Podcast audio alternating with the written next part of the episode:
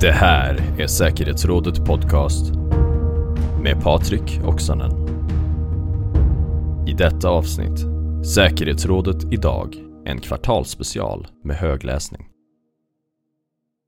Hej och välkomna allesammans till Säkerhetsrådet, en podcast från tankesmedjan Frivärd. Jag heter Patrik Oksanen och jag är Senior Fellow i Tankesmedjan och också redaktör för Säkerhetsrådet, som faktiskt inte bara är en podcast utan också en debattplattform på internet på hemsidan som Frivärd har, som du hittar på frivarld.se. Det är Sveriges i särklass mest aktiva och mest framstående debattforum för utrikes-, säkerhets och försvarspolitik. Dit eh, debattörer, skribenter, från politiker till studenter eh, kan vända sig för att ventilera, diskutera, argumentera och uppmärksamma olika frågor som berör i vår värld. Eh, det här är alltså öppet för dig att skicka in till oss på, på Frivärd eh, om du har någonting du vill bidra med. Men vi tänkte så här eh, erbjuda dig som läser och lyssnar en möjlighet att blicka tillbaka på det som har skrivits och sagt.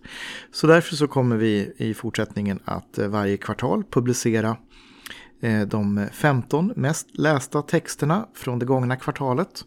Ett jättebra tillfälle att hitta sånt som du kanske missade när det svepte förbi alldeles för fort i flödet. Att gå tillbaka till, läsa på, fundera, reflektera. Och i den här podcasten, i samband då med att vi släpper den här 15 i topplistan, så ger vi dig extra lite örongodis. Det vill säga att jag kommer att läsa de tre mest lästa texterna. Så att du har möjlighet att ta till dig dem på ett annat sätt. Kanske när du klipper gräset, krattar löven, diskar, går med hunden, på väg till jobbet eller vad du nu gör medan du lyssnar på en podcast. Eh, den här topplistan på de 15 mest lästa texterna de hittar du förstås då på, på säkerhetsrådet på frivärd.se. Eh, och den topplistan så eh, är en ganska bra och bred variation på både ämnen och skribenter. Men i toppen då, och jag tänkte då att jag tar de 10 mest lästa texterna eh, så här i, i podcasten. Eh, och när jag kommer till plats tre så kommer jag alltså börja läsa dem. Men på tionde plats da, da, da, da, hittar vi en text av Bo Hugemark. Allianslösheten tjänar Ryssland väl. På nionde plats av Yrsa Gryne Loma. Finländsk final för flygplansupphandling. På den åttonde platsen återfinns en industrisäkerhetspolitisk fråga. Bristen på halvledare kan få förödande konsekvenser av Freddy Jönsson Hanberg. På plats sju. Högkvarteret. Vi kommer behöva skruva på värnplikten ytterligare. Av Jesper Leto.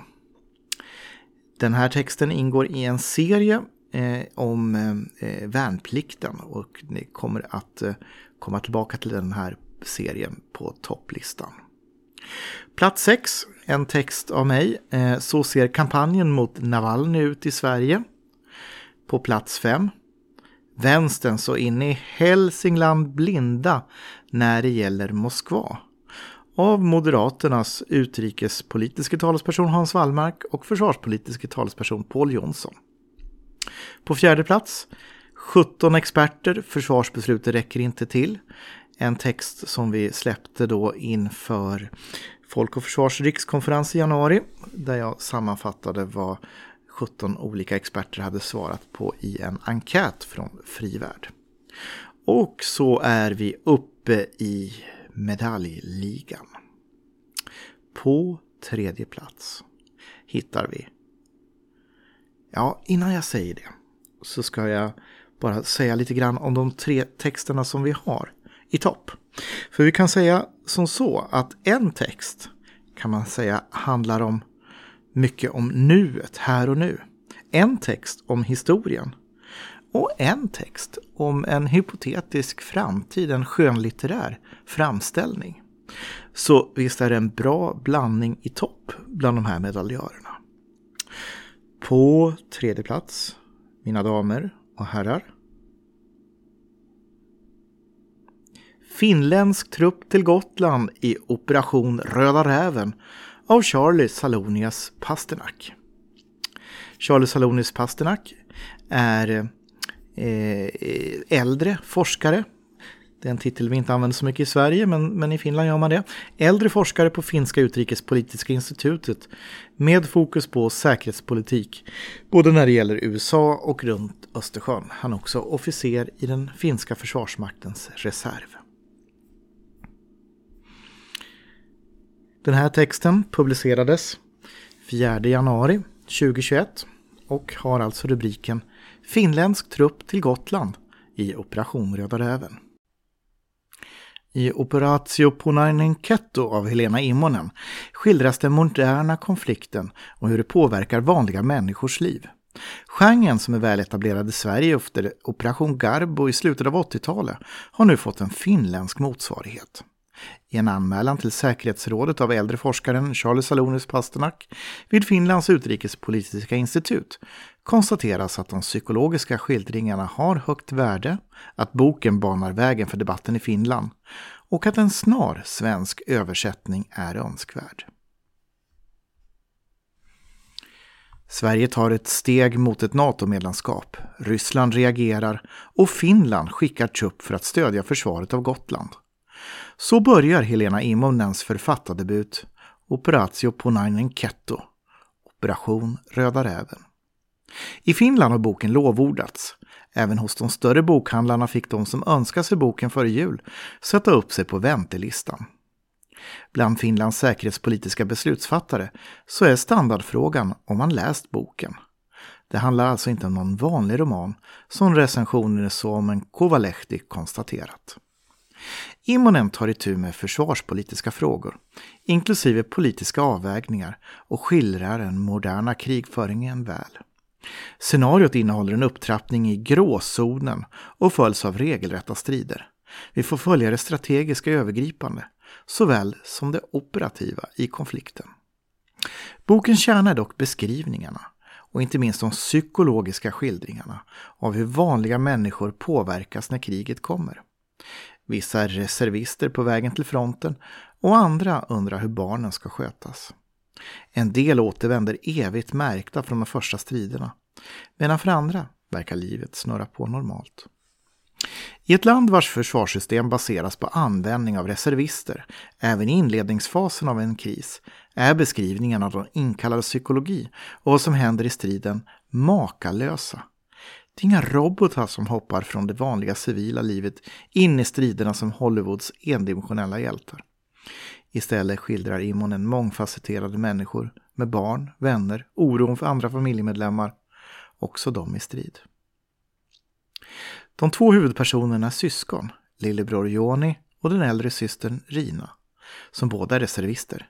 Joni är medlem i de nya finska beredskapsenheterna aktiva sedan 2017 och blir skickad till Gotland just när hans flickvän ska väntas föda. Vem ska vara där för att stödja vid födseln? Stora syster Rina, vars man Mikael jobbar som officer på finska huvudstaben, tar sig an ansvaret. Hemma börjar Mikaels ständiga övernattningar på staben irritera och typiskt nog kan inget talas om hemma vid. Sedan blir Rina mobiliserad och perspektiven ställs över ända. Den eh, civila i familjen hamnar vid fronten och den militära sitter relativt tryggt under jorden. Dessa otaliga andra frågor ställs läsaren inför. Att många läsarna i Finland är reservister eller bor med en gör saken personligare. Att Immonen efter publicering i höstas fått daglig läsarrespons från mormödrar till nyinriktade värnpliktiga berättar att boken definitivt inte bara är en viktig läsning för möpar. Boken inkluderar få militärtekniska beskrivningar det är de psykologiska skildringarna som dominerar. Vare sig det handlar om president, soldat, mamma eller en soldat som är mamma. Samhällets sårbarhet, hur livet kan förändras på en stund och hur svårt det kan vara att sätta ord på något man upplevt är teman som Immonen berör. Några mindre scener eller händelser kan verka att inte passa in tills man som läsare medger att så är ju livet. Slumpen har sitt att säga. Man kan träffa en person för en kort tid och aldrig träffas igen, fastän denna har djupt påverkat ens liv. Kanske till och med bidragit till att livet fortsätter. Att Immonen studerat säkerhetspolitik och journalistik, är mamma till småbarn, genomfört den stenhårda utbildningen Sisiradisti, signalist vid jägartrupperna. Som underofficer och nu officer är tydligt. Samt att hon i det dagliga jobbar på finska försvarsmaktens kommunikationsavdelning. Detta betyder inte att den finska militären eller förmågan målas i för några rosa glasögon. Tvärtom, det är de realistiska beskrivningarna av ett försvarssystem byggt på reservister har för styrkor och svagheter som gör boken värdefull med tanke på samhällsdebatten. Eller uttryckt med Immonens ord, individer är både systemets styrka och svaghet. Med tanken på de realistiska beskrivningarna går allt definitivt inte som i Strömsö här kommer ett litet redaktörsanmärkan. Det är ett finländskt talesätt efter det finländska tv-programmet Strömsö där man pysslar och alltid lyckas. En rikssvensk läsare kan ju då tänka på typ Ernst Kirchsteiger. Ja, allt går definitivt inte som i Strömsö för alla finska trupper. Så var det inte självklart att i princip hela den finländska försvarsmaktens ledning skulle ha positiva kommentarer om boken i sociala medier. Detta tyder på ett brytningsskede i finsk försvarspolitisk debatt. Det är dags att diskutera och ta itu med de svåra frågorna. Och då talar vi inte om mera pengar. I lättare ändan av frågan finns, trots att Finland har förmågan att förstöra ryska förband djupt inne på ryskt territorium, så är det inte alltid självklart under vilka omständigheter det är fiffigt att göra det. Svårare är vad man ska göra åt den ständigt sämre konditionen som många reservister befinner sig i. Lösningarna kräver samhälleliga åtgärder inte bara Försvarsmaktens. Många av frågeställningarna, vare sig för politiska militära beslutsfattare eller för enskilda reservister, gäller enligt Immonen också för Sverige. Våra säkerhetspolitiska intressen och våra folks vardagar är genuint liknande. Därför hoppas Immonen att det finsk-svenska försvarssamarbetet fördjupas och erkänner att det blev lite mindre fokus på Sverige i boken än vad hon ursprungligen tänkt sig. Vi får se vad uppföljaren kommer att innehålla. Operatio Punainen Ketto är än inte översatt till svenska. Men hopp finns då det stora förlaget WS Oj nyligen köpt Immonens förlag Crime Time Docendo. Svensk militärfiktionsgenren är väl stockad med bland annat Operation Garbo-klassikerna från Harry Winter samt Lars Wildrängs och David Bergmans nyare böcker. Immonens roman tillför ändå något nytt, särskilt i en värld där ländernas försvarspolitik flätas allt tydligare samman även om kriget i Operatio Ponaneketto mest härjar i Finland. Surt sa Putin är ungefär vad finska och svenska politiska beslutsfattare hoppas att försvarssamarbete länderna emellan ska åstadkomma. Vi får hoppas att läsare i Sverige snarast får se en översättning och får läsa om den röda räven som refererar till de klassiska finska sockergodisbitarna Kettukarki eller Aesops fabel om räven. Oavsett vilket som är inspirationskällan till titeln så är boken den bästa i sin genre jag läst på många år. Charlie Salonius Pasternak. Och eh, det var alltså tredjeplatsen, kvartal 1 2021 på Frivärldssäkerhetsrådet. Och vi är framme vid silvermedaljören och vi kommer att hålla oss kvar i Finland. Men om vi nu har varit i en hypotetisk framtid så ska vi istället tillbaka i historien. På andra plats Harry Järv, den kämpande humanisten, 100 år av Patrik Oksanen. Säkerhetsrådets redaktör Patrik Oksanen minns den kämpande humanisten Harry Järv och vad vi kan lära oss av hans gärning idag. Den här texten publicerades 27 mars. Den 27 mars 2021 skulle Harry Järv ha fyllt 100 år. En intellektuell gigant i debatten, ett glödande fyrbok mot auktoritära idéer, en röst som bara blir mer och mer relevant i ett populistiskt tidevarv där revanschistiska stormakter blir allt mer hotfulla. Järv beskrev sig själv som krapotikian i sin anarkosyndikalism. Jag avvisar alla totalitära tendenser vad de än kallar sig. Avvisande av totalitära tendenser gjorde Järv både i ord och handling under hela sin levnad. Hans kulturgärning sträckte sig över sju årtionden och omfattade ett 50-tal böcker som författare, redaktör och översättare. Ämnena varierade, som litteratur, särskilt Kafka, bibliotek, militärhistoria, säkerhetspolitik, psykologi och filosofi. I Humanismen som salt och styrka, bilder och betraktelser tillägnad Harry Järv i samband med hans pensionering 1987 skrev Erik Karlqvist att ett framträdande drag hos Harry Järv är hans kraft till opposition, till självständighet, ibland egensinnig och stundom obekväm analys av auktoritära tendenser eller till orädd kritik av politisk enfald och brutalitet. Glöden i denna stridbarhet kommer från hans respekt för den självständigt tänkande människan.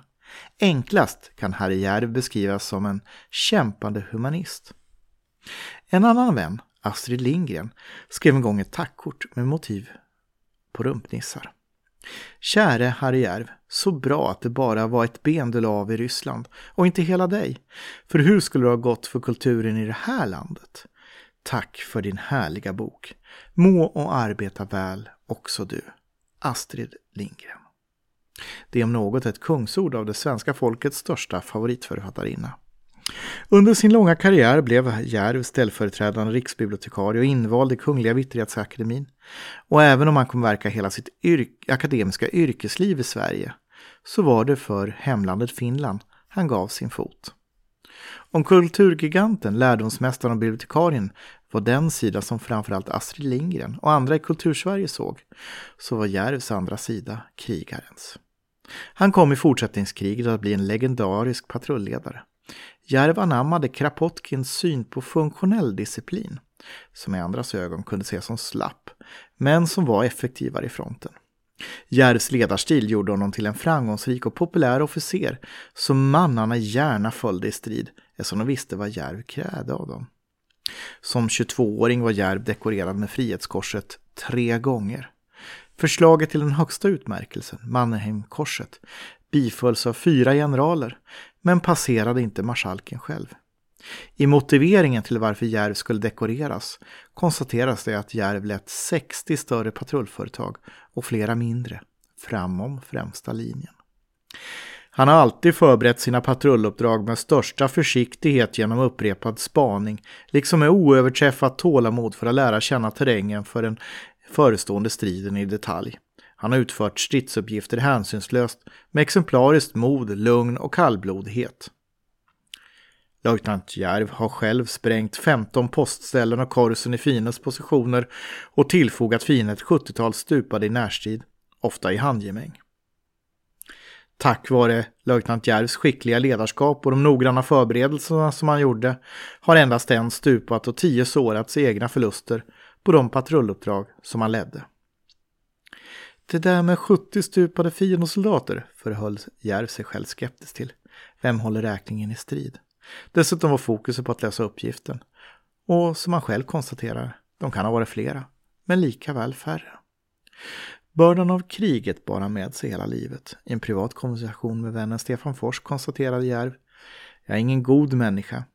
Du ska förstå att det inte finns något mer motbjudande än att ihjäl människor som avskydde kriget lika mycket som vi. Järvs tid vid fronten tog slut 1943 när han klev på en mina. Rehabiliteringen förde honom till Sverige och Salsta slott utanför Uppsala. Där blev ynglingen från Österbotten vän med grevinnan Vera von Essen som öppnat sitt hem för finska krigsinvalider. När Finland tvingades söka fred kom landets självständighet att hänga på en skör tråd i flera år. Fredsvillkoren var hårda och den Sovjetkontrollerade kontrollkommissionen hade ett hårt tryck på Finland. Rädslan för ockupation var ständigt närvarande. Samtidigt kom statspolisen under kommunisternas kontroll. Ett finländskt motdrag var vapengömmor runt om i landet. Med en stor mängd vapen gömda skulle ett segt skogsbrädarskap föra kampen vidare om det värsta skulle inträffa.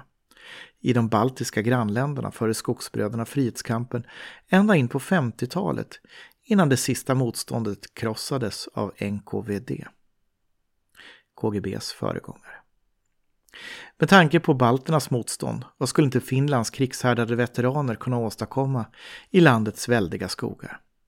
Sovjetunionen avstod sovjetifiering av Finland. Men i den politiska dragkampen kom statspolisen gömmorna på spåren och man satte efter inblandade officerare. En av dem som blev efterlysta var Järvs regementschef från IR 61, infanteriregemente 61, Mannerheimriddaren Alpo Martinen.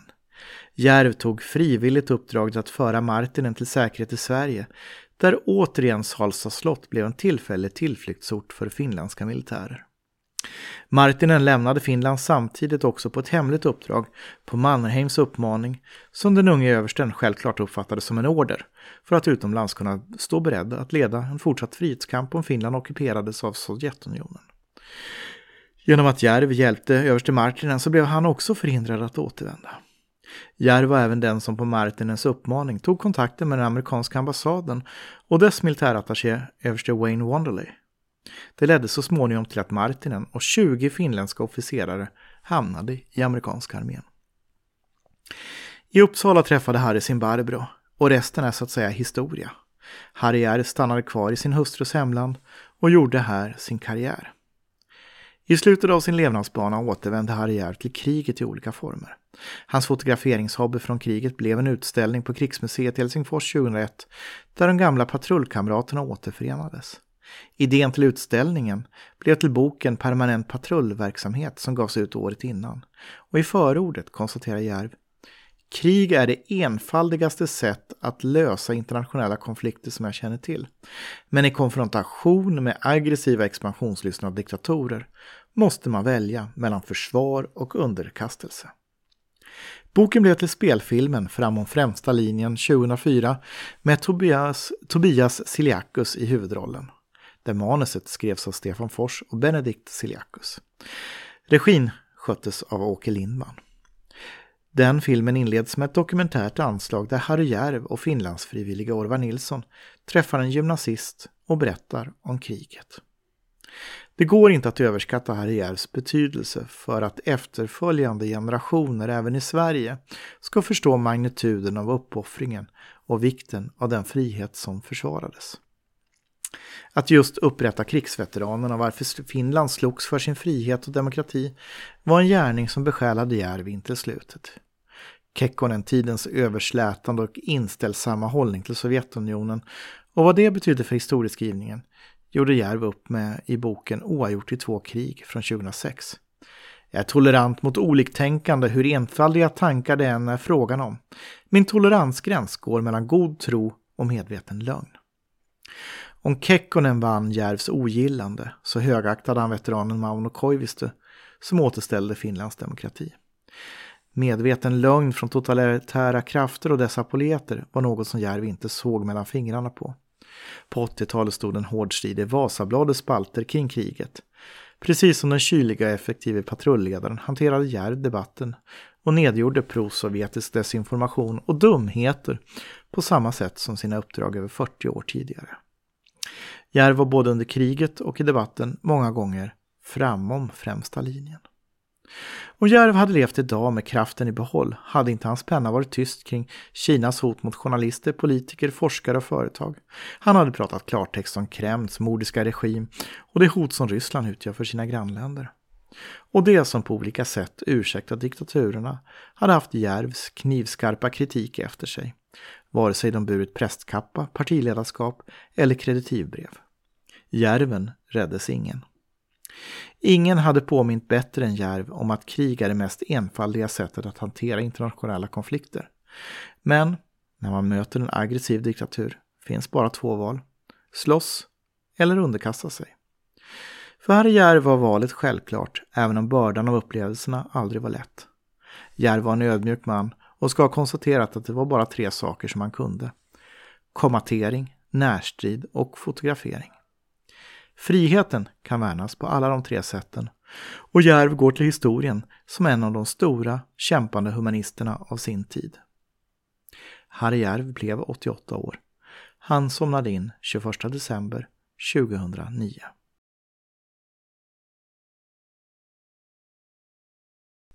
Det var andra platsen och nu fanfar. Da, da, da, da. Är vi framme vid kvartalets mest lästa text, publicerad 1 mars 2021 under rubriken ah, jag ska inte hålla er på halster längre. Rubriken Arméchefen vill att värnpliktiga ska lösa skarpa uppgifter. Plikten är helt avgörande. Av Jesper Leto. Värnplikten är tillbaka med besked. Men det innebär inte en återgång till en svunnen tid. Arméchef Karl Engelbrektsson betonar pliktens möjligheter och vill se att den även nyttjas för skarpa uppgifter. I en intervju med säkerhetsrådet berättar arméchefen om tillväxten, de tuffa prioriteringarna och framtiden för de stående förbanden. Det finns en spänning mellan tillväxten och att upprätthålla de stående förbanden, säger Karl Engelbrektsson.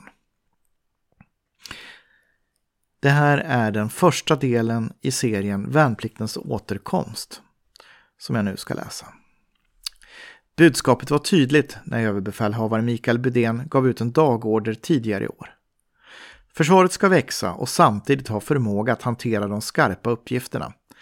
Vi startar nu, framåt, deklarerade Budén på klassiskt militärt maner. På förbanden har mycket redan hänt de senaste åren. Omställningen från ett insatsförsvar med fokus på internationella insatser till ett större nationellt försvar med försvaret av det egna territoriet i fokus har ställt nya krav på den egna organisationen. Nu har vi en helt annan uppgift, nämligen att förbereda för ett eventuellt väpnat angrepp mot Sverige, säger Karl Engelbrektsson till säkerhetsrådet. Det här har bland annat inneburit en ny vardag för stora delar av, yrke, av det yrkesförsvar som utgör de stående förbanden.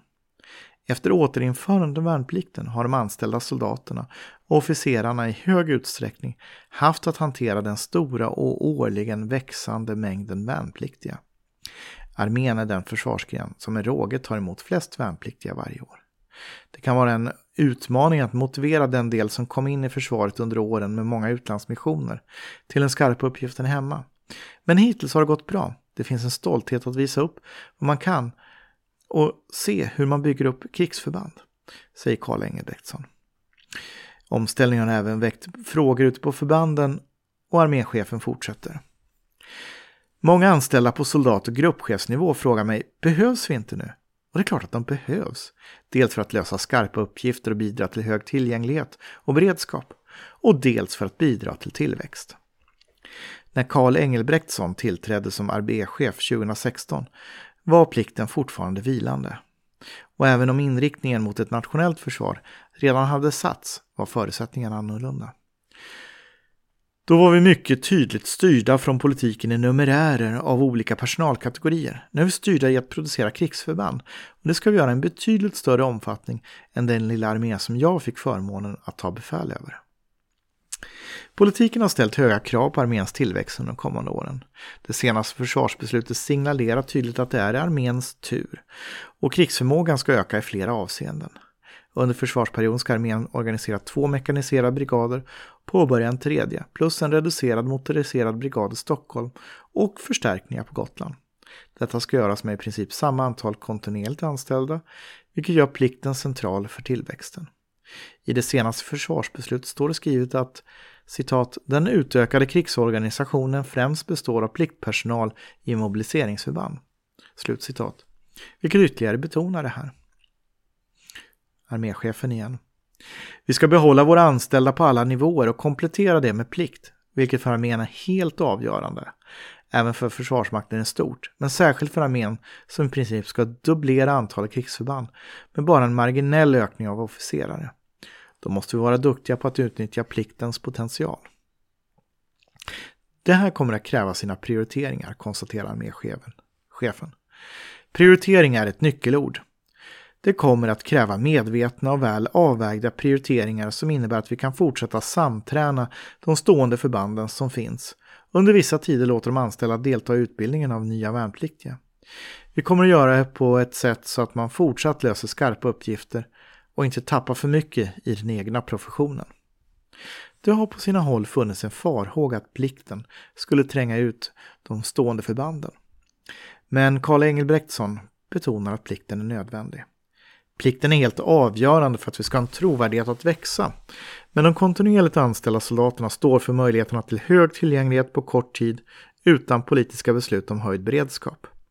Vi har nu fått en balanserad möjlighet till personalförsörjning och det handlar om att balansera uppgifter i förhållande till detta.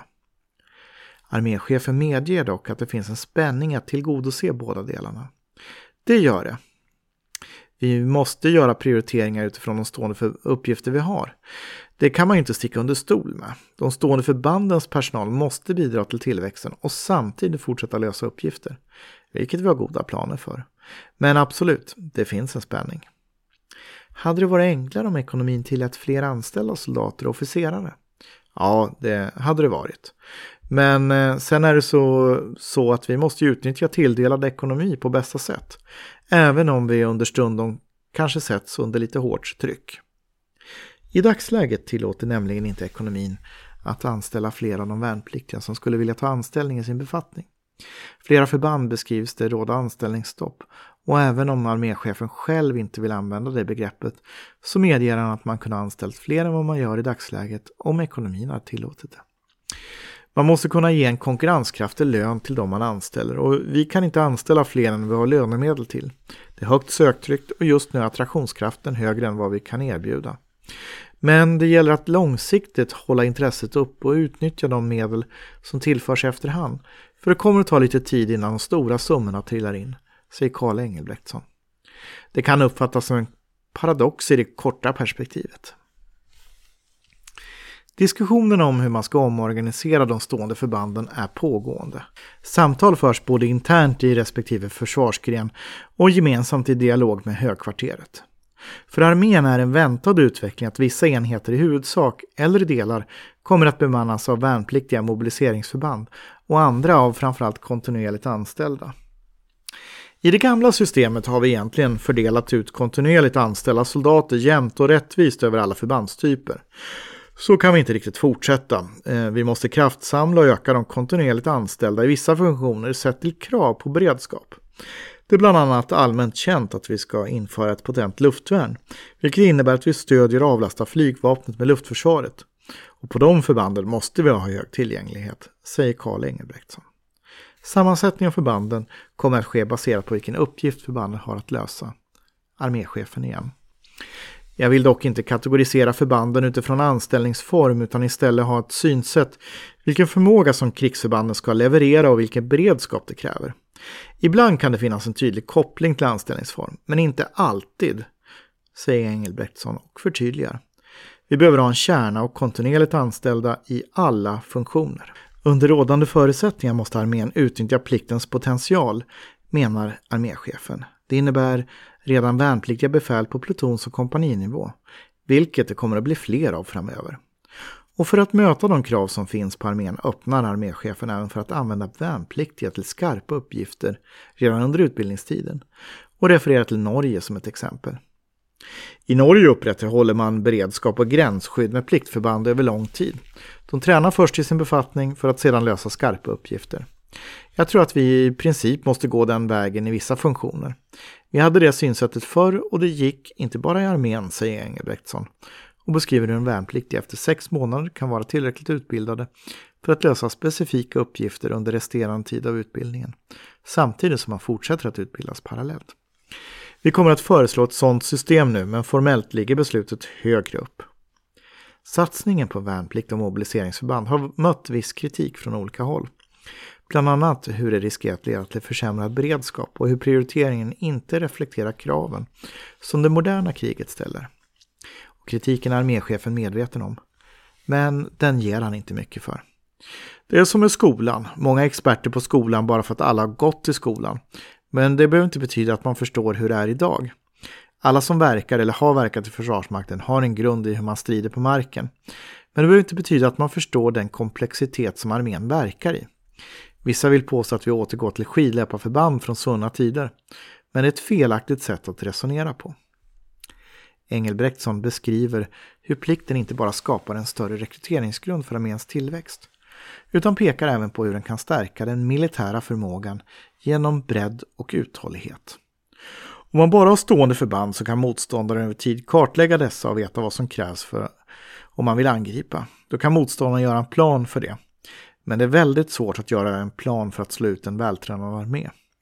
Historien visar hur de flesta har räknat fel på det, säger han och nämner krigen i Kosovo och Ukraina som två moderna exempel.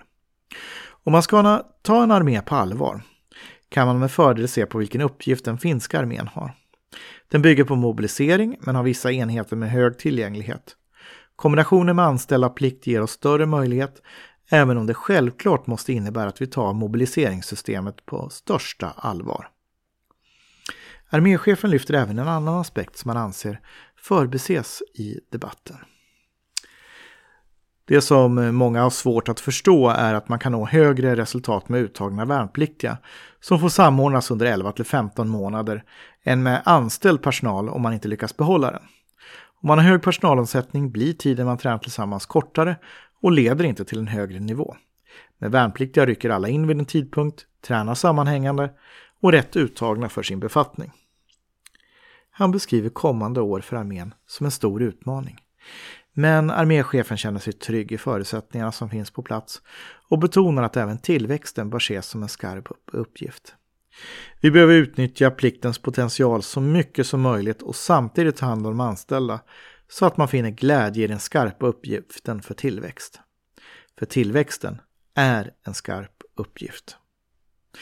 Det här var alltså den mest lästa texten första kvartalet 2021 på säkerhetsrådet skriven av Jesper Leto som gör sin praktik på Frivärd och det här var första delen i en artikelserie om återinförandet av värnplikten fyra år senare. Alla delarna hittar ni ju förstås på säkerhetsrådet som finns på frivärd.se.